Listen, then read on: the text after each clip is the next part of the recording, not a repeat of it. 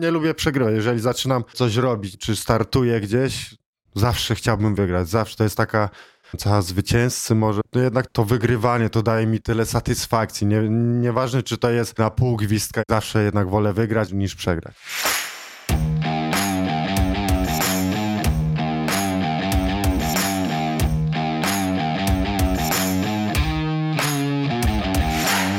Nazywam się Cyprian Majcher i witam Cię w podcaście Elite Mentality, który tworzę dla osób, które pragną poznać sposób myślenia, nawyki i mentalność ludzi, którzy osiągnęli mistrzowski poziom w swoich dyscyplinach.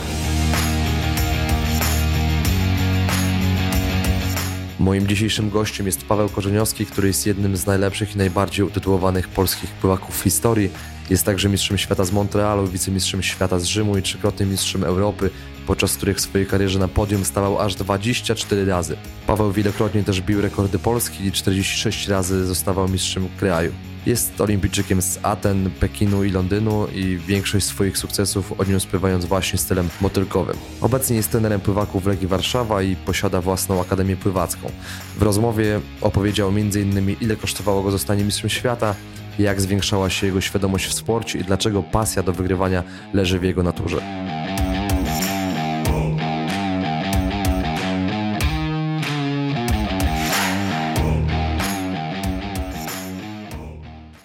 Cześć Paweł. Cześć. Niemal rok temu podjąłeś decyzję o zakończeniu swojej 20-letniej kariery. Nie wiem, czy wszyscy o tym wiedzą, ale można powiedzieć, że odchodzisz od sportu jako jeden z najlepszych i najbardziej utytułowanych polskich pływaków w historii. Jak się z tym czujesz, powiedz? Troszeczkę smutno, tak? Cała przygoda moje 20 lat zakończyło się. Nie odszedłem od sportu, nadal będę aktywnie sportowo, tym razem w triatlonie, bardziej amatorsko no ale no z pływaniem też jeszcze mam styczność, wiadomo, już nie będę startował na zawodach międzynarodowych, nie będę reprezentował naszego kraju, czy na Mistrzostwach Świata, czy na Igrzyskach Olimpijskich, ale jestem cały czas aktywny sportowo, więc aż tak bardzo za takim wysiłkiem mocno wyczynowym nie tęsknię. A czy skończyłeś karierę z poczuciem takiego spełnienia całkowitego? Myślę, że nie. Na 99% tak, ale zabrakło mi tego medalu olimpijskiego w mojej karierze i mam gdzieś ten mały niedosyt.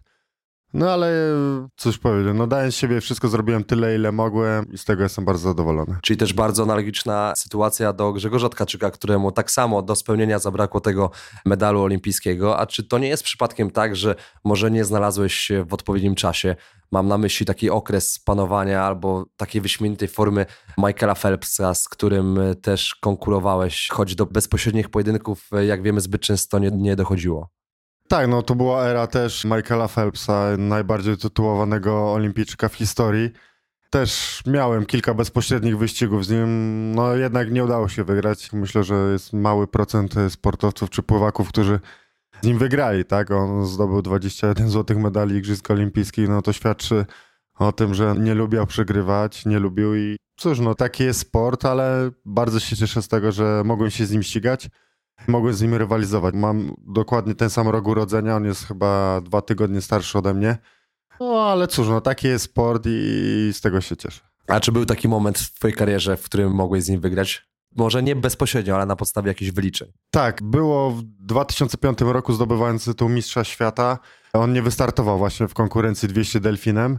I to była dosyć ciekawa sytuacja, bo gdzieś tam na konferencji prasowej, gdzie startował właśnie w Montrealu, zapytano go, co myśli o moim wyniku, tak? Co myśli o tym moim 200 delfinem. No powiedział, że tydzień później na Mistrzostwach Stanów popłynie szybciej i pokaże tak naprawdę, kto jest najlepszym delfinistą na świecie. 200 delfinem to była jego koronna konkurencja i właśnie na Mistrzostwach Stanów tydzień później popłynął 20 parę setnych wolnej ode mnie i, i ponoć bardzo się obruszył, uderzył ręką ścianę, nie zgłosił się na konferencję prasową. I w rankingu światowym, jeżeli spojrzymy na listę z roku 2005, no to ja będę przed nim, więc można powiedzieć, że taki korespondencyjny wy wyścig udało mi się wygrać. Czyli w może nieoficjalnym starciu, ale na podstawie wyliczeń można powiedzieć, że w 2005 roku byłeś lepszy od Michaela Phelpsa. Tak jest. Czy uważasz, że podjąłeś dobre decyzje w swoim życiu, by znaleźć się w tym miejscu, w którym jesteś teraz? Czy jeśli miałbyś się cofnąć w czasie, to może zrobiłbyś coś inaczej? Tak, myślę, że na pewno bym coś zmienił. Na pewno doświadczenie, które zdobyłem z latami trenowania czy startowania na poważnych zawodach. No jest kilka detali, które można byłoby zmienić. Na pewno inaczej bym podszedł do diety, inaczej bym odpoczywał, inaczej bym się regenerował. No po prostu bym był bardziej świadomym zawodnikiem i myślę, że to na pewno przyniosłoby mi ogromny sukces i, i te medale olimpijskie na pewno bym zdobył. To prawda, powiedziałeś bardzo mądrą rzecz, że życie to taka sztuka wyborów y, i wychodzę z założenia, że jeśli zostałeś mistrzem w jakiejś dyscyplinie, to znaczy, że wybory, których dokonałeś były słuszne, więc nawiązując do tego zastanawiam się, jakie twoje wybory z twojego życia uczyniły cię tym, kim jesteś dzisiaj. Miałem okazję wyjechać do Stanów Zjednoczonych w 2004 roku po Igrzyskach Olimpijskich. Już nawet rozmawiałem z trenerem z Kalifornii. Miałem studiować na uczelni w Berkeley razem z moim kolegą Przemysławem Stańczykiem. Już jedną nogą byliśmy na uczelni. Powiedzieli, że no spokojnie was przyjmujemy jako olimpijczyków, którzy zajmowali bardzo wysokie miejsca właśnie na Igrzyskach Olimpijskich. Chcieliśmy tam studiować, jednak przekonano mnie, żebym został w Polsce, że no to były troszeczkę inne czasy. Wówczas e, stypendium, które otrzymywałem z Polskiego Związku Pływackiego, musiałbym oddać, tak? Idąc na uczelnię do Stanów, no nie wolno było przyjmować żadnych pieniędzy, trzeba było zostać stuprocentowym amatorem. Ponieważ taka uczelnia w Berkeley to jest około koszt 300 tysięcy dolarów, więc widać naprawdę bardzo dużo. Jeżeli idzie się tam studiować, no to nie wolno brać żadnych pieniędzy. Wtedy jako czwarty zawodnik Igrzysk Olimpijskich, no nie wiedziałem co dokładnie wybrać, tak? Zostałem tutaj namówiony, żeby przyjść do Warszawy. Jakby rozpocząłem swoją karierę, byli znajomi też mnie w jaki sposób namówili do tego, żebym został. Nie żałuję tej decyzji na pewno, bo rok później zdobyłem tytuł Mistrza Świata, zostałem mistrzem Europy, otarłem się o rekord świata, więc no myślę, że pływałem naprawdę bardzo szybko ale jak potoczyłaby się moja droga, będąc tam trenować z najlepszym trenerem na świecie, wówczas właśnie, jeżeli chodzi bardziej o sprinty, tak, ale na pewno miał też e, podejście do tego, że wiedział, jak trenować zawodników troszeczkę na dłuższych dystansach. Być może poprawiłbym rekord świata i może zdobył medal olimpijski. A czym zajmujesz się po skończonej karierze pływaka? U wielu sportowców pojawia się ten syndrom takiego braku sensu po skończonej karierze, bo nagle budzisz się, wstajesz i nie idziesz na ten trening. Tak, no właśnie, jak to nie był, tam, to miałem gdzie? chwilę takiego zwątpienia, czułem się tak dosyć dziwnie, nie czułem się potrzebny dla nikogo i no szczerze przez chwilę nie wiedziałem, co mam ze sobą robić, tak. Też pojawiło się na szczęście dziecko, zostałem tatą i to też mnie bardzo mocno zmotywowało do tego, żeby coś z sobą zrobić, tak. Zostałem trenerem w Legii. Też otworzyłem własną firmę, szkołę pływania, gdzie robię wideoanalizy, też współpracuję właśnie z triatlonistami i no też to pływanie gdzieś tam zostało, tak? Znalazłem pomysł na siebie i, i teraz e, nadal jestem w pływaniu, ale rozwijam się bardziej, jeżeli chodzi o amatorów. A wspomniałeś wcześniej, że zacząłeś uprawiać triatlon po skończonej karierze pływaka. Powiedz skąd pomysł na tego typu zajęcie? E, to już myślałem o tym e, dużo wcześniej, 2-3 lata temu, przed tym jak miałem zakończyć swoją karierę, no stwierdziłem, no, no tak, no pływać już potrafię, Biegać gdzieś tam kiedyś biegałem, na rowerze też e, potrafię jeździć. No też jest to dyscyplina, w której myślę, że mogłem, mogę się odnaleźć. Wiele lat treningów, treningi zajmowały mi nieraz po około dwóch godzin. No, wyścig w triatlonowy też mniej więcej tyle zajmuje. To, że mam bardzo dużą pojemność płuc i bardzo dobrą wydolność, przekonało mnie do tego, że no jednak mam jakieś te warunki do tego, żeby swoją wydolnością ścigać się z amatorami. Wiadomo, no w pływaniu no to jednak mam zbyt dużą przewagę, można tak powiedzieć. No tutaj jest nowa dyscyplina, nowy sport. No i to bardzo mnie jakby zajawiło do tego, żeby, żeby spróbować swoich sił właśnie w triatlonie. A startowałeś już w jakichś zawodach? Masz jakieś osiągnięcia na swoim koncie? Słyszałem, że startowałeś w zawodach z Robertem Korzeniowskim. Tak jest, tak. Startowaliśmy właśnie w ubiegłym roku. Zbieraliśmy dla fundacji pieniądze, gdzie właśnie te pieniądze zostały przekazane dla dzieci, przede wszystkim na, na jedzenie, picie, bo to jednak im tego bardzo brakowało i tutaj właśnie z Robertem udało mi się wygrać. Startowaliśmy właśnie w Gdyni na dystansie sprinterskim. I chyba Roberta koronną dyscypliną był jednak bieg. Chyba on wywodzi się z kodziarstwa, u ciebie e, pływanie. Co jest na twoim najsłabszym elementem w triatlonie? zdecydowanie bieganie. Tutaj w tym elemencie mocno odstaje od czołówki amatorów, a myślę, że mój bieg 21 20 na 5 kilometrów, no nie jest to czas, który gromi, czy no raczej jest taka sytuacja, że właśnie na bieganiu wszyscy mnie wyprzedzają i nie jestem przyzwyczajony do tego, że na finiszu czy na ostatnim odcinku ktoś mnie wyprzedza, tak? Ale no tutaj jest coś innego, też fajna nowa przygoda. A jaką jesteś w stanie wygenerować przewagę w pływaniu? Wpływanie jest, y, jak wiemy, na, na początku, więc jakby podejrzewam, że wychodzisz z wody jako pierwszy. Tak, na pewno wychodzę w czołówce. Myślę, że pierwsza trójka, no to zazwyczaj, no jeszcze mi się nie zdarzyło, startowałem cztery razy i zazwyczaj z wody wychodziłem albo pierwszy, albo drugi, czasami trzeci, ale wówczas y, startowali, można powiedzieć, to zawodowcy więc oni mocno trenowali to pływanie, czym bardziej, że ktoś jeszcze kogoś pociągnął, tam poszedł na fali, więc to jest zupełnie coś innego. Wspomniałeś, że po zakończonej karierze zostałeś trenerem Legii Warszawa. Dla większości ludzi jednak ten sport, czyli pływanie, kojarzy się z takim pływaniem od ściany do ściany, licząc kafelki. I ta koncepcja nabijania kilometrów w bardzo łatwy sposób może zniechęcać e, młodych ludzi do tego sportu. Czy czujesz, że jako były mistrz świata jesteś w stanie przekazać swoje mistrzowskie nastawienie młodzieży? Jak najbardziej, tak. Tutaj myślę, że moje doświadczenie, jeżeli chodzi o pływanie, jest naprawdę bardzo wysokie i tutaj praca z młodzieżą bardzo mi się podoba. Wydaje mi się, że są jeszcze mało świadomi. Nie chcą korzystać z tego, co ja mam im do przekazania. Też popełniają błędy i ja widzę dokładnie, jakie błędy popełniają w ich wieku i oni popełniają to samo, tak? Też nie przykładają się może do wszystkich rzeczy, może trenują dobrze, ale nie przykładają się choćby do odżywek czy do diety to są elementy, które na, na poziomie coraz wyższym no, mają duże znaczenie. Tak? Jeżeli chcemy się poprawić o te kilkasetnych sekund, no to już takie odżywki czy rozciąganie po treningu mają ogromne znaczenie. To prawda, tak jak wspomniałeś w jednym z wywiadów, y, że w Legii dbasz nie tylko o dobrą jakość treningu i programowania, ale też choćby o właściwą dietę zawodników, czy nawet wsparcie psychologa, prawda? Tak jest. Również chciałbym, żeby była praca z psychologiem, jednak widzę, że część zawodników idąc na start nie wie dokładnie, co ma robić, co, o czym ma myśleć. Też staram im się to przekazywać, ale no wiadomo, no nie jest to tak jak rozmowa z psychologiem jeden na jeden, gdzie też miałem okazję współpracować choćby przez pół roku i, i bardzo sobie to cenię. Też się bardzo dużo nauczyłem, też wiem jak podchodzić do niektórych rzeczy, na co zwracać uwagę, jak nastawiać swoją głowę do wyścigów czy do rywalizacji. A czy uważasz, że trening mentalny jest ważny w życiu pływaka, czyli wizualizacja, myślenie, nastawienie o, o samych zawodów, o, o wygrywaniu? Jak najbardziej. No tutaj to jest kolejny element, który dochodzi i jeżeli ktoś go bardzo dobrze wykorzysta, na pewno przyniesie mu korzyść. Myślę, że to nie tylko pływanie, ale wszystkie dyscypliny sportowe jak najbardziej powinny korzystać. Choćby widzimy po samym Małyszu, który też rozpoczął pracę z psychologiem i nagle jak poszedł do przodu, zaczął wygrywać Puchary Świata, zdobył medale olimpijskie, więc widać, że no tutaj praca z psychologiem jak najbardziej wskazana. To prawda, świetny przykład akurat podałeś, bo Adam Małysz już zanim zaczął współpracować z psychologiem już był dobry, ale też na tym opiera się cała istota treningu mentalnego, że nie stosując go możesz być dobry, ale stosując trening mentalny możesz stać się właśnie tym najlepszym, a wiadomo, nie każdy może nim zostać, więc to te szczegóły decydują i mają wpływ na to, że jesteś jednym z niewielu. I tu zależność jest prosta. Jeśli dwóch sportowców rywalizujących ze sobą o zwycięstwo posiada taki sam poziom przygotowania fizycznego, taktycznego i technicznego, to wygrywa ten, który jest lepiej przygotowany mentalnie w momencie rywalizacji. A powiedz, jak patrzysz na pracę trenera teraz, gdy sam nim zostałeś?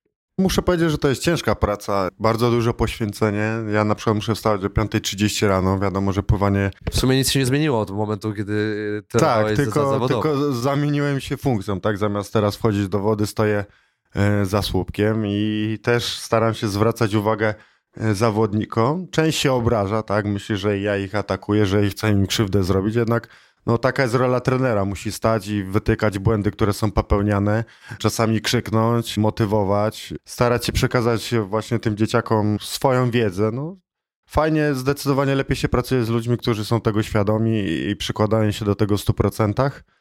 Więc no, no, rola trenera jest naprawdę bardzo trudna, ale jeżeli są efekty, czyli są rekordy życiowe, no to też jest jakaś mega satysfakcja z tego. No tak, tutaj myślę, że jest taka duża różnica pokoleń też i w twoim odczuciu na pewno, dlatego że ty wychowałeś się, myślę, że jeszcze bez takiego etapu smartfonów, komputerów, internetu, Facebooka wśród młodych ludzi, więc teraz myślę, że ci młodzi ludzie są dużo bardziej przebodźcowani, więc to wyzwanie przed tobą jest dużo większe. A jesteś w stanie powiedzieć, jakim jesteś trenerem?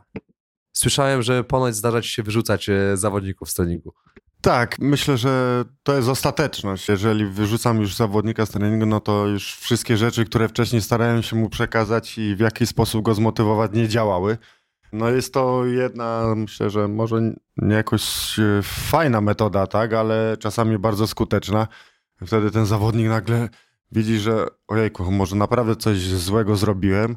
No jeżeli ktoś mnie nie słucha, czy się spóźnia, czy regularnie skraca na treningu, to bardzo mnie to boli. Najgorsze jest to, że właśnie część osób, które też pływają, też czerpią tą złą energię od tego zawodnika. Jeżeli on mówi, że mu się nie chce, że nie ma siły, No to jeżeli taki zawodnik inny obok, który stoi, usłyszy taką negatywną energię od niego, no to on sobie też w jakiś sposób y, w głowie mówi, a może ja też nie mam siły, może mi też się nie chce. Bardziej chodzi mi o to, żeby się nakręcali, tak jeden drugiego motywował niż właśnie przez negatywne emocje, dlatego czasami takich zawodników no, usuwam z treningu, tak żeby sobie przemyśleli, co oni tak naprawdę robią, zamiast przyjść, postarać się, no to jeżeli ktoś już przyjdzie, no to powinien wykorzystać ten czas w 100%. Wspomniałeś jeszcze wcześniej o tym braku spełnienia wynikającym z tego, że nie zostałeś mistrzem olimpijskim, ani to, że nie zdobyłeś medalu olimpijskiego. I czy to nie jest przypadkiem tak, że zostając trenerem chciałbyś wychować swojego przyszłego mistrza? Jak najbardziej. Takie moje marzenie trenerskie to jest zdobyć medal olimpijski jako trener, tak? Czyli jako... jeszcze nie, nie do końca możesz powiedzieć, że nie zostałeś spełniony, bo jeszcze wszystko przed tobą tak naprawdę. Tak, no może, może tak miało być, e, może tego medalu miałem nie zdobyć i, i teraz mam nową, kolejną drogę, kolejną szansę na to, żeby przekazać to całe swoje doświadczenie. Tylko teraz jest jeszcze potrzebny zawodnik, który będzie w 100% świadomy i będzie naprawdę chciał dążyć do tego, żeby ten medal olimpijski zdobyć. I masz takich w swoich teamie? Myślę, że mam bardzo zdolną młodzież. Na pewno jeszcze dużo ciężkiej pracy jest przed nimi, ale jeżeli poświęcą się pływaniu w 100%, to na pewno mają szansę wyjechać na Igrzyska Olimpijskie. Ale jednak no, nie każdy może zdobyć medal olimpijski. No, do tego potrzebny jest naprawdę ogromny talent i mega ciężka praca. A ty poświęciłeś się w 100% swoim przygotowaniu? Tak, jeżeli chodzi o właśnie przygotowania, to raczej nie miałem sobie nic takiego wielkiego do zarzucenia. Może z wiekiem, tak? W wieku 19 lat jadąc na Igrzyska Olimpijskie na pewno nie miałem tego doświadczenia.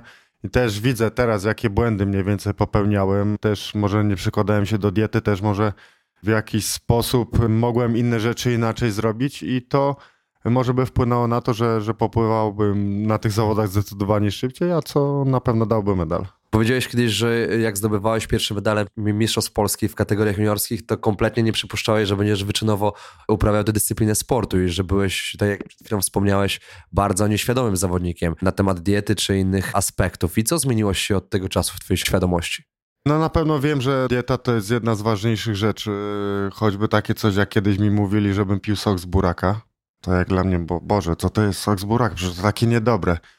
Jednak teraz, mimo tego, że to jest niedobre, piję taki sok. Nawet widzę, że do triatlonu to się mega przyłoży, bo okazuje się, że taki sok z buraka to można powiedzieć, że to jest takie naturalne EPO. Czyli on potrafi zwiększyć wydolność nawet do 10-15% według badań amerykańskich. Gdyby to nie było warzywo, gdyby to nie była roślina, zostałaby zakazana. Czyli stosowałeś doping, jednym słowem można powiedzieć. Tak, naturalny doping, zdrowy doping, jak najbardziej wskazany. A cofając się o kilkanaście lat, kiedy zacząłeś poważnie myśleć o swojej karierze? Myślę, że w momencie, kiedy zacząłem zdobywać pierwsze swoje medale na zawodach, nigdy nie przypuszczałem, że mogę aż tak bardzo się rozwinąć. Więc taki pierwszy medal ważniejszy, który zdobyłem, miałem 16 lat na Europejskich Dniach Młodzieży, czyli można to powiedzieć, że to były takie Mistrzostwa Europy Juniorów 16-letnich. Zdobyłem srebrny medal i ustanowiłem swój pierwszy rekord polski. Wtedy zrozumiałem, Boże, jeżeli ja się tak przyłożę naprawdę w 100% do tego treningu, wtedy jeszcze nie byłem świadomy, tak? Nie wiedziałem, że może być jeszcze praca z psychologiem. Też wydawało mi się, że a przecież ja się niczego nie boję, przecież ja lubię się ścigać, ale widzę teraz, że chodziło też o inne aspekty nastawienia choćby na treningu. Wtedy zrozumiałem, że naprawdę mogę pływać bardzo szybko. No też nie miałem tej świadomości diety.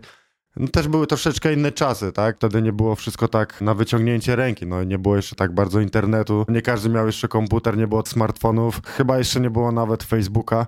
A teraz te wszystkie informacje możemy znaleźć w internecie, tak? Więc samemu możemy się szkolić i dokształcać. I bardzo dużo mówisz o tej y, świadomości. Sam pochodzisz z rodziny o tradycjach sportowych, twój ojciec był bramkarzem, a mama i wujkowie byli pływakami. W największych kuźniach sprinterów czy biegaczy na świecie, na przykład na Jamajce, jednym z głównych determinantów zewnętrznych, na które zwracają uwagę trenerzy, jest twoje poświęcenie do ciężkiej pracy na treningach. Jest to też z jakiej rodziny pochodzisz. Trenerzy rozmawiają z twoimi rodzicami, jakie oni wartości im wpajają w życiu, bo od tego zależy też ich nastawienie, tych dzieciaków czy pochodzą z zamożnych rodzin, bo też wychodzą z założenia, że im w gorszych warunkach się wychowałeś, tym jesteś bardziej zdeterminowany, żeby osiągnąć sukces. I tak się zastanawiam, jaki wpływ mieli twoi rodzice na twój sukces. No na pewno ogromny. Zawsze pamiętam, co by się nie działo, jakieś były konkurencje sportowe, nie wiem, choćby piłka nożna, gdzie tata zawsze zabiera mnie na mecze, zawsze sobie stałem za bramką, patrzyłem jak bronił czy były jakieś eventy sportowe, zawsze mnie ze sobą zabierał, więc no sport był częścią mojego życia i, i czy zawsze w domu, gdzieś się oglądało telewizję, to zawsze ten sport leciał. Czy zawsze tata puchary zdobywał, czy mama, no to zawsze te mu- puchary, medale stały w domu i no oglądałem się po prostu. Bardzo mi się to spodobało i widziałem, że ludzie bardzo szanują takich ludzi, którzy poprzez swoją ciężką pracę zdobywają medale i reprezentują swój kraj. To już w ogóle było dla mnie coś niesamowitego. Dla mnie na początku samo zdobycie dyplomu było mega takim pozytywnym dopingiem i motywowało mnie do tego. Czy, czy nieważne, czy byłem nawet dziesiąty, pamiętam swoje pierwsze zawody, gdzie przepłynąłem e, basen 50-metrowy i zdobyłem właśnie swój pierwszy dyplom. Nie, nieważny był czas, miejsce, ważne było przepłynięcie tego basenu. I to już było takie mega fajne, pierwsze zawody, rodzice na trybunach, doping, taki zastrzyk adrenaliny, który pamiętam do, do dzisiaj. A czy mieli wpływ w jakiś sposób na twoje nastawienie, czyli czy jakoś rozmowy z nimi pomagały ci w twojej samodyscyplinie, żeby poświęcać więcej niż inni? Tak, na pewno mówiono mi, że sport jest taką dyscypliną, że ogólnie czy to jest pływanie, czy to jest piłka nożna, czy to jest siatkówka, trzeba chodzić na treningi, tak? Trzeba nauczyć się ciężko pracować, motywować, wstawać rano, że to nie jest takie łatwe i nieraz pamiętam, jak powiedziałem, że mi się nie chce iść na trening, tata zrzucał kołdrę i mówi wstawaj, idziesz na trening. Kilka razy tak, no pamiętam, że no, mi się mega nie chciało, byłem zmęczony i mówię nie, nie, nie, nie idę. Jednak tata zapalał światło, ściągał kołdrę i no, co, no było mi zimno, no dobra, no to muszę wstać i, i się szykować, więc może takie e, w jakiś sposób złe doświadczenie, tak, że to było na siłę, ale pamiętam to do dzisiaj i bardziej odbieram to jako rzecz pozytywna, że jednak no, udało mi się tak przeciwstawić w jakiś sposób swojemu lenistwu i chodziłem na te treningi, widziałem później efekty i dopiero z czasem zrozumiałem, że im więcej będę trenował, im bardziej regularnie będę chodził i będę bardziej dbał o siebie, nie będę chorował, to będę pływał szybciej. Jednej rzeczy tylko nie zrozumiałem. Dla młodego chłopaka, czy ogólnie dla chłopców, można tak powiedzieć, takim największym autorytetem w życiu jest ojciec. I jeśli twój ojciec był bramkarzem i zabierał cię na mecze piłki nożnej, to skąd w takim razie się wziął pływanie? Ponieważ miałem wadę postawy, krzywy kręgosłup, pamiętam, że ćwiczyłem z tatą w domu, były takie ćwiczenia gimnastyczne, jednak one nie rozwijały mojej sylwetki. Natomiast pływanie jest taką dyscypliną, która rozwija ponad 90% mięśni. Nasze stawy są odciążone i przede wszystkim rozwija się klatka piersiowa. A że ja miałem krzywicę kości, miałem bardzo powykrzywiane żebra i krzywy kręgosłup, nawet było takie zalecenie lekarza. Moja mama pływała też, widziała jak to się rozwija. Dlatego zostałem przesunięty na pływanie, a nie na piłkę nożną.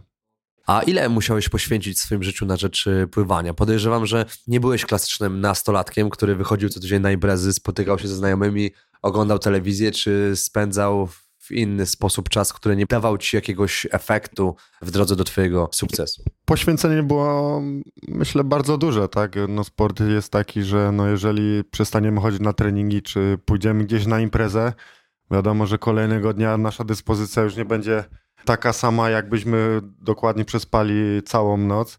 Zdarzało się tak, że odmawiałem, że nie będę chodził na te imprezy. Mówiłem, no sorry chłopaki, ale no mam rano trening i nie mogę. Tak, wiadomo, jeżeli to było później, jeżeli już byłem starszy, no to zawsze w sobotę gdzieś tam sobie wyszedłem. Nie, nie byłem też takim typem sopy, która lubiła siedzieć w domu i się zamykała i nie miała kontaktu z innymi rówieśnikami.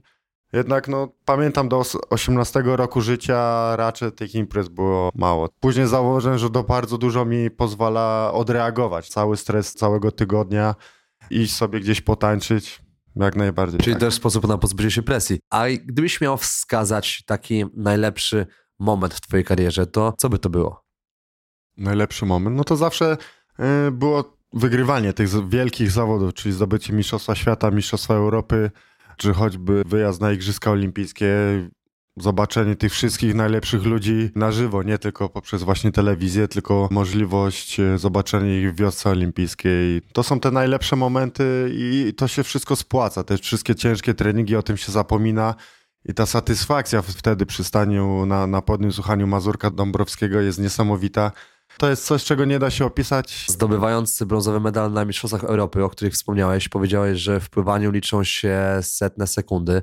Bo diabeł tkwi w szczegółach, to są twoje słowa. Wskoczyłeś do wody, jak to powiedziałeś, i wiedziałeś, że to jest to, że jak nie ma takiego uczucia, to od razu wiadomo, że nie będzie lekko, tak? I zastanawiam się, co robiłeś, by twój wynik stawał się lepszy o tą jedną setną sekundy, albo żeby być o tą jedną setną sekundy lepszym od rywala. Choćby była sytuacja, gdzie miałem bardzo słaby start i żeby to poprawić, zawsze wychodząc do ubikacji i później wchodząc znowu do basenu, starałem się skakać z idealną strzałką, czyli napiąć swoje ciało maksymalnie tak, żeby zmniejszyć swoje opory poprzez startu i choćby z samym tym efektem myślę, że mocno się poprawiłem. Też uczucie tego czegoś, tak jak to Małysz mówił, że czasami nie miał tego czegoś, brakowało właśnie tej jednej rzeczy i te skoki nie były takie super. No ja to samo miałem skakując do wody. Już na starcie wiedziałem, że to jest to, to jest to noszenie, to jest taka specyficzna rzecz. Czujemy się wtedy, że możemy przynieść góry.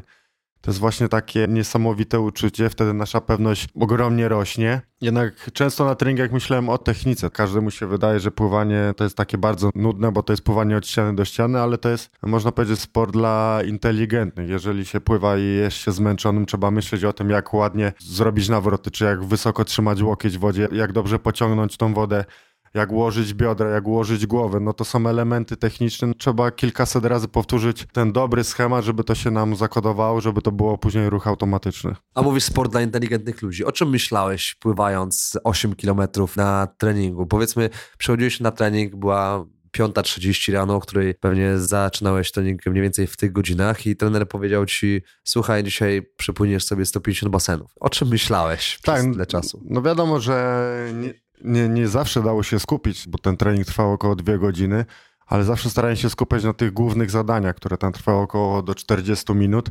No zawsze to rozpływanie, no to było po prostu jak się wskakiwało i płynęło i płynęło od ściany do ściany, ale później jeżeli już ten organizm się rozbudził i już nasza świadomość była większa, to ja zazwyczaj patrzymy na zegar, jaki jest rozkład tempa, ile powinniśmy mieć na 100, ile na 200, czy przyspieszyć, czy zwolnić, ćwiczenie taktyki na treningu, właśnie odbicie od ściany, strzałki, czy sam wejście w obrót poprawić. No jest sporo tych elementów bardziej technicznych, o których się myśli. Jeżeli y, ktoś nad tym pracuje dosyć często na treningu, stara się o tym myśleć, nie tylko mówię tutaj o pływaniu, ale choćby to jakaś inna dyscyplina sportu, no to ona daje nam, że automatycznie uczymy się tych ruchów. Ta pamięć jest automatycznie przekłada się na poprawę naszego stylu. Tu mnie zdziwiłeś, bo przyznam, że od tej strony nigdy na to nie patrzyłem. Teraz mamy chyba więcej możliwości, żeby czasem zabić tę monotonię podczas długich biegów czy pływania. Ja chociażby często zakładam słuchawki nawet w wodzie, by w ten sposób utrzymywać wysoką energię treningu przy muzyce, którą lubię. E, albo robię to poprzez słuchanie podcastów, gdzie mogę jednocześnie robić trening i nabywać wiedzę na interesujące mnie tematy. A Pawle, jeśli już jesteśmy w tej wodzie, to czy jesteś w stanie wskazać na swoje cechy charakteru, które sprawiły, że nie tylko byłeś w stanie w niej tyle wysiedzieć, ale też y, które pozwoliły ci zostać najbardziej utytułowanym polskim pływakiem. Na pewno jestem uparty i też trzeba być czasami samolubnym. No teraz widzę, że, że w życiu... Samolubnym, czyli? Skupianie się tylko na sobie. Czyli jeżeli idziemy w jakiejś grupie i nagle nie interesuje mnie, co oni tam będą robić, czy im pójdzie dobrze, czy jakie błędy y, popełniają, ja skupiałem się tylko na sobie, myślałem tylko o sobie, czyli Mówię, dobra, idę coś zjeść teraz, to nie patrzyłem na to, że czekam, nie wiem, 10-15 minut na, na kogoś, tylko raczej takim samotnikiem się stawałem na zawodach. Miałem swoje rytuały, że tak, szedłem na śniadanie o tej, o tej godzinie, tyle zajmowało mi zjedzenie tego śniadania, później szedłem sobie do autobusu, słuchałem muzyki. Raczej byłem taki wyłączony, nie słuchałem innych. Czy wchodziłem na rozgrzewkę zawsze o tej samej godzinie, zawsze te same elementy robiłem przy rozciąganiu czy przy rozgrzewce, no trzeba być takim no samolubem, tak? Troszeczkę się wyłączy na te zawody, robić tylko wszystko pod siebie, tak? Czyli od pewnym momencie zjeść, nie przejmować się innymi, czyli jak ktoś cię o coś poprosi, no raczej byłem taką osobą, dobra, nie interesuje mnie, co ty chcesz i no ja robię to, co, co muszę zrobić, nie wiem, zrób to samemu, ja ci nie mogę w tym momencie pomóc. Więc to było takie odłączenie się i maksymalne stuprocentowe skupienie się tylko na sobie. I to niesamowite to, co mówisz, bo ja ze swojego doświadczenia mam zupełnie inny obraz przed oczami, jak powinno wyglądać takie nastawienie mistrzów do osiągania celów, ale to jest myślę całkowicie specyfika sportu indywidualnego, dlatego że tutaj musi być, tak jak powiedziałeś, skupionym na sobie. W sportach zespołowych, czy to jest piłka nożna, czy to jest rugby, tak, czy to jest piłka ręczna, e, wszyscy muszą spędzać e, ze sobą czas razem, wszyscy spotykamy się w takich samych t-shirtach e, o godzinie 6.45 na siadaniu, nikt nie może się spóźnić, wszyscy wychodzą razem, grupą idziemy się rozgrzewać i, i wszystko jest razem. Specyfika tutaj sportu indywidualnego jest zupełnie inna. Tak, znaczy na zawodach jest zupełnie inaczej, natomiast bardzo sobie ceniłem grupę na treningach, pozytywne nastawienie. Z grupą jest zdecydowanie raźniej i w grupie łatwiej się ćwiczy, łatwiej się osiąga swoje cele, natomiast na zawodach no to już jest sport indywidualny, tak? Nie mamy tu drużyny. Tak, w jaki sposób gdzieś tam się możemy motywować, ale jeżeli przychodzi twoja chwila startu, danego dnia się budzisz, to każdy ma swój rytuał i raczej powinien się skupiać na sobie tylko, a nie choćby na przeciwnikach, co oni robią, jak oni się rozgrzewają, bo to wtedy przeszkadza nam w naszym nastawieniu się i naszej konfrontacji na koniec z nimi. I to jest też świetna analogia do życia, bo w życiu tak samo najważniejszą osobą jesteś ty sam. Nawet cię ciężko jest wskazać swoich rodziców czy swoje dziecko, dlatego że im ty się bardziej rozwijasz jako człowiek, tym większy wpływ jesteś w stanie oddziaływać na ludzi, którzy są wokół siebie. Więc im więcej ty inwestujesz w siebie, rozwijasz siebie, tym więcej jesteś w stanie przekazać czy swoim rodzicom, swojemu dziecku i innym ludziom wokół. Więc myślę, że bardzo ciekawa analogia. A same zawody, w których startowałeś, czy to były Mistrzostwa Europy, czy świata, czy inne zawody, były takim zwieńczeniem tysięcy kilometrów przepłyniętych w wodzie. Skąd wzięła się u ciebie taka determinacja do takich morderczych treningów? Tak jak powiedzieliśmy, kilka tysięcy kilometrów na pewno przepłynąłeś w swoim życiu. To były mordercze treningi, ciężko mi to sobie wyobrazić, bo jak sam idę na basen czasami w czwartek, to przepłynięcie 30 minut stanowi e, dla mnie nie tyle wyzwanie pod kątem tlenowym, ale sam wysiłek jest dla mnie troszeczkę taki monotonny i zastanawiam się, skąd była u ciebie taka determinacja i co chciałeś osiągnąć. Tego mnie nauczył mój drugi trener. Pokazywał mi strony internetowe, patrzył, jak ludzie najszybciej pływają na świecie, jakie czasy osiągają. I zawsze mi mówił: O, zobacz, teraz jesteś 350 na świecie. Patrzyłem sobie w ten ranking i tak dążyłem. Zawsze patrzyłem zawsze ku górze. Dobra, najpierw osiągnę 200, później setne miejsce. No i później coraz wyżej, coraz wyżej. I to mnie tak naprawdę nakręcało. Chciałem się ścigać z najlepszymi i od małego uwielbiałem wygrywać. To jest chyba mega dobra cecha. Tutaj no, wygrywanie zawsze, no może teraz w sporcie amatorskim no, widzę, że jednak za bardzo czasami się napalam na to, bo nie lubię przegrywać. Jeżeli zaczynam coś robić, czy startuję gdzieś, zawsze chciałbym wygrać. Zawsze to jest taka cała zwycięzcy może, to jednak to wygrywanie to daje mi tyle satysfakcji. Nie, nieważne, czy to jest na pół gwizdka, jednak zawsze jednak wolę wygrać niż przegrać. A jakbyś miał wskazać w takim razie taki najgorszy moment w twojej karierze? Najgorszy moment to były momenty, no bo było ich kilka, tak? E, trenujemy bardzo ciężko, przepływamy w danym roku około 3000 kilometrów. Jedziemy na tą główną imprezę i okazuje się, że płyniemy gorzej od swojego rekordu życiowego.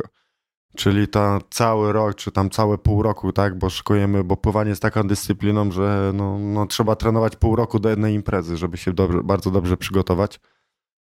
Jeżeli jedziemy na takie zawody i nie, nie płynie się rekordu życiowego, a zostawiło się w tym basenie naprawdę mnóstwo energii, siły i zaangażowania, no to jest ta chwila zwątpienia. Kurczę, po co ja to robię, tak? No tyle trenowałem, znowu się nie poprawiłem, no coś jest nie tak, no co trzeba zrobić, co trzeba zmienić. Zawsze na początku są te negatywne emocje, a jednak później już się nakręcałem. Dobra, w tym roku zrobię coś innego, muszę się poprawić za wszelką cenę, będę lepiej trenował, przyłożę się bardziej może do diety. I tak poszukiwałem rzeczy, które sprawiały, że stawałem się coraz lepszym zawodnikiem. I można powiedzieć, że właśnie dzięki tym porażkom też osiągnąłeś ten punkt, w którym jesteś teraz? Tak, jak najbardziej. No, każda porażka czegoś uczy i zawsze ze swojej porażki wyciągałem pozytywne rzeczy, tak? Wiedziałem, co zrobiłem źle. W kolejnych przygotowaniach starałem się unikać tych błędów. Też zacząłem bardziej dbać o zdrowie.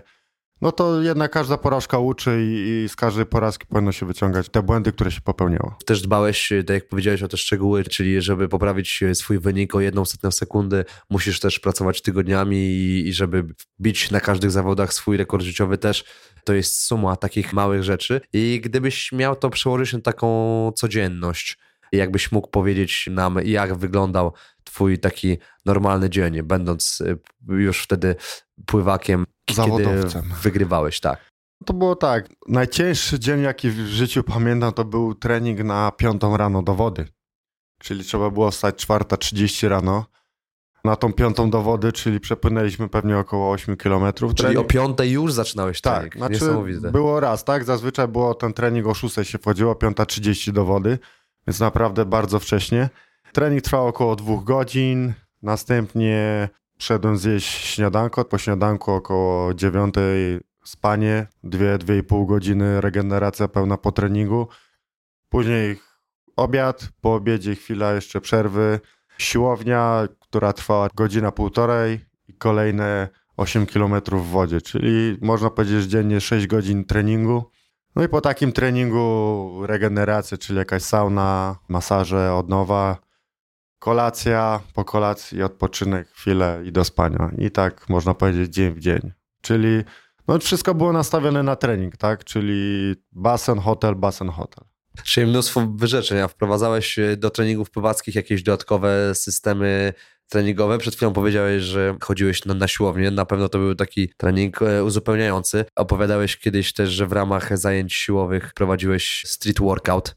Tak. W, w e, jaki sposób ci to po- pomagało? Street workout, czyli dużo drążków, ćwiczenia z własnym ciężarem ciała. Moim zdaniem gimnastyka jest idealna dla pływaka. Wtedy chodzi o to, że ten mięsień jest e, mocny, on jest długi, nie jest przykurczony.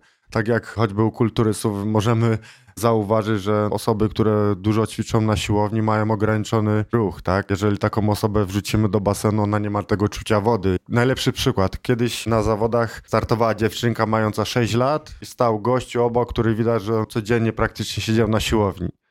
I kto wygrał? Dziewczynka, bo wprawdzie siły nie miała, ale miała technikę. Ona się poruszała z gracją po tej wodzie, natomiast osoba, która bardzo dużo ćwiczyła, była siła, ale nie, nie miał pociągnięcia. Bardzo dużo energii wkładał w swoje płynięcie, ale było 40 metrów i nagle odcięło mu prąd, tak? Zakwasił tak maksymalnie organizm, że już nie miał siły płynąć. Więc y, no tu też za dużo na siłowni nie możemy siedzieć, ale właśnie ten trening na drążkach jak najbardziej się sprawdza, jeżeli chodzi o pływanie. A powiedziałeś też o formach regeneracji, które stosowałeś w ciągu swojego dnia, czyli był to sen, dwie, dwie i pół godziny, wieczorem jeszcze sauna.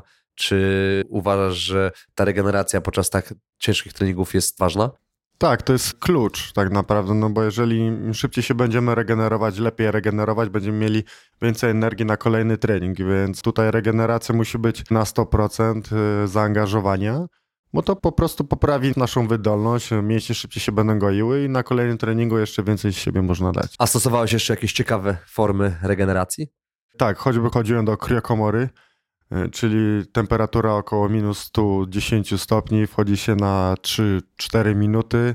To powoduje podniesienie testosterony, który o, oczywiście odpowiada za szybszą regenerację i większą siłę. I no tutaj muszę sobie bardzo to chwalić, bo no zawsze po tym, po takim całym dniu, jeżeli się wchodziło do takiej kriokomory, jak wychodziłem z tego, to nagle czułem się jak nowonarodzony. To jest nie- niesamowite, że 3-4 minuty w tak zimnej temperaturze mogą tak bardzo i tak szybko zregenerować organizm. To prawda i teraz coraz większą popularność zdobywa morsowanie. Coraz więcej ludzi znajduje te dobre czynniki w, w zimnej wodzie, w kwestiach regeneracji z zawodowi sportowcy czy przy ciężkich treningach. Naprawdę świetne uczucie. A powiedz Paweł, jak wyglądała twoja dieta? Jesteś i byłeś e, pływakiem pokroju Michaela Phelpsa. Podobno jego dieta składała się tylko z trzech posiłków o wartości energetycznej 12 tysięcy kalorii. W telewizji NBC e, kiedyś zdradził Michael Phelps, jak wyglądał jego przykładowy jadłospis. Na śniadanie jadł trzy kanapki ze smażonym jajkiem, dwie filiżanki kawy, omlet z pięciu jaj, miskę kaszy, trzy francuskie tosty, trzy naleśniki z czekoladą. Drugi jego posiłek to był obiad, pół kilograma makaronu, dwie kanapki z szynką i serem, napój energetyczny o kaloryczności 1000 kalorii i na kolację pół kilograma makaronu, bo jedna bardzo dużo pizza i znów napój energetyczny. I tą dietę 12 tysięcy kalorii Michael Phelps stosował trenując do Igrzysk e, Olimpijskich w Londynie. Najwyraźniej mu nie zaszkodziła, bo też sam powiedziałeś, zdobył tam chyba 6 medali. Jak to było u ciebie z tą dietą? Tak jak tutaj powiedziałeś, też miałem ogromny apetyt, e, też bardzo dużo jadłem, może nie aż tyle. Wydaje mi się, że około 8 tysięcy kalorii plus do tego odżywki. Więc to jest naprawdę bardzo duże zapotrzebowanie. Taki trening w wodzie to nie jest tylko wysiłek, ale to jest również chłodzenie organizmu poprzez wodę, tak? Taka woda czasami na treningu miała 26-27 stopni, więc jest to kolejny wydatek energetyczny.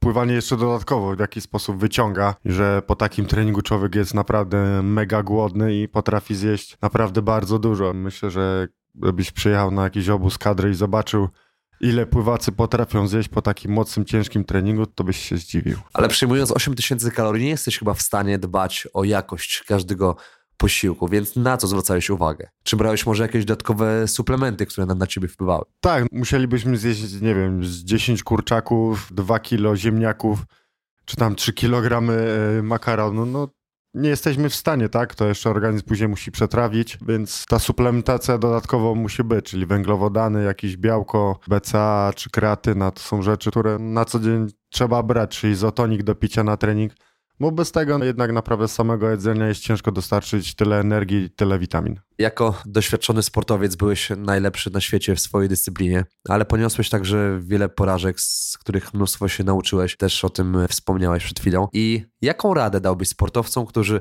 rozpoczynają startować w zawodach? Czyli co powiedziałby dzisiejszy ty staremu tobie, gdyby się spotkali? Żebym się skupił na tym, co robię. Tak, w wieku 18 lat jest wiele pokus, wiele rzeczy dookoła nas są znajomi, zaczynają pojawiać się dziewczyny. Najlepiej skupić się na sobie, to jest najlepszy wiek do tego, żeby się rozwijać, czyli 18 lat to nie ma nic lepszego, trzeba poświęcić naprawdę 4 lata porządnie ogromnej, ciężkiej pracy do tego, żeby wskoczyć na wysoki poziom, zaangażować się w 100%, słuchać trenera, dbać o dietę, brać odżywki, regenerować się po treningu, czyli rozciąganie. Jeżeli ktoś to będzie robił w 100% jestem pewien, że osiągnie sukces. No i bardzo ciężko pracować. Bardzo mądre słowa, Pawle. Bardzo Ci dziękuję za tą rozmowę. Życzę Ci w takim razie tego spełnienia w 100%. Było ono w 99%, jak wspomniałeś, więc zabrakło tego medalu olimpijskiego. Życzę Ci w takim razie, żebyś wychował swojego następcę i żebyś tym razem już jako trener zdobył ten wymarzony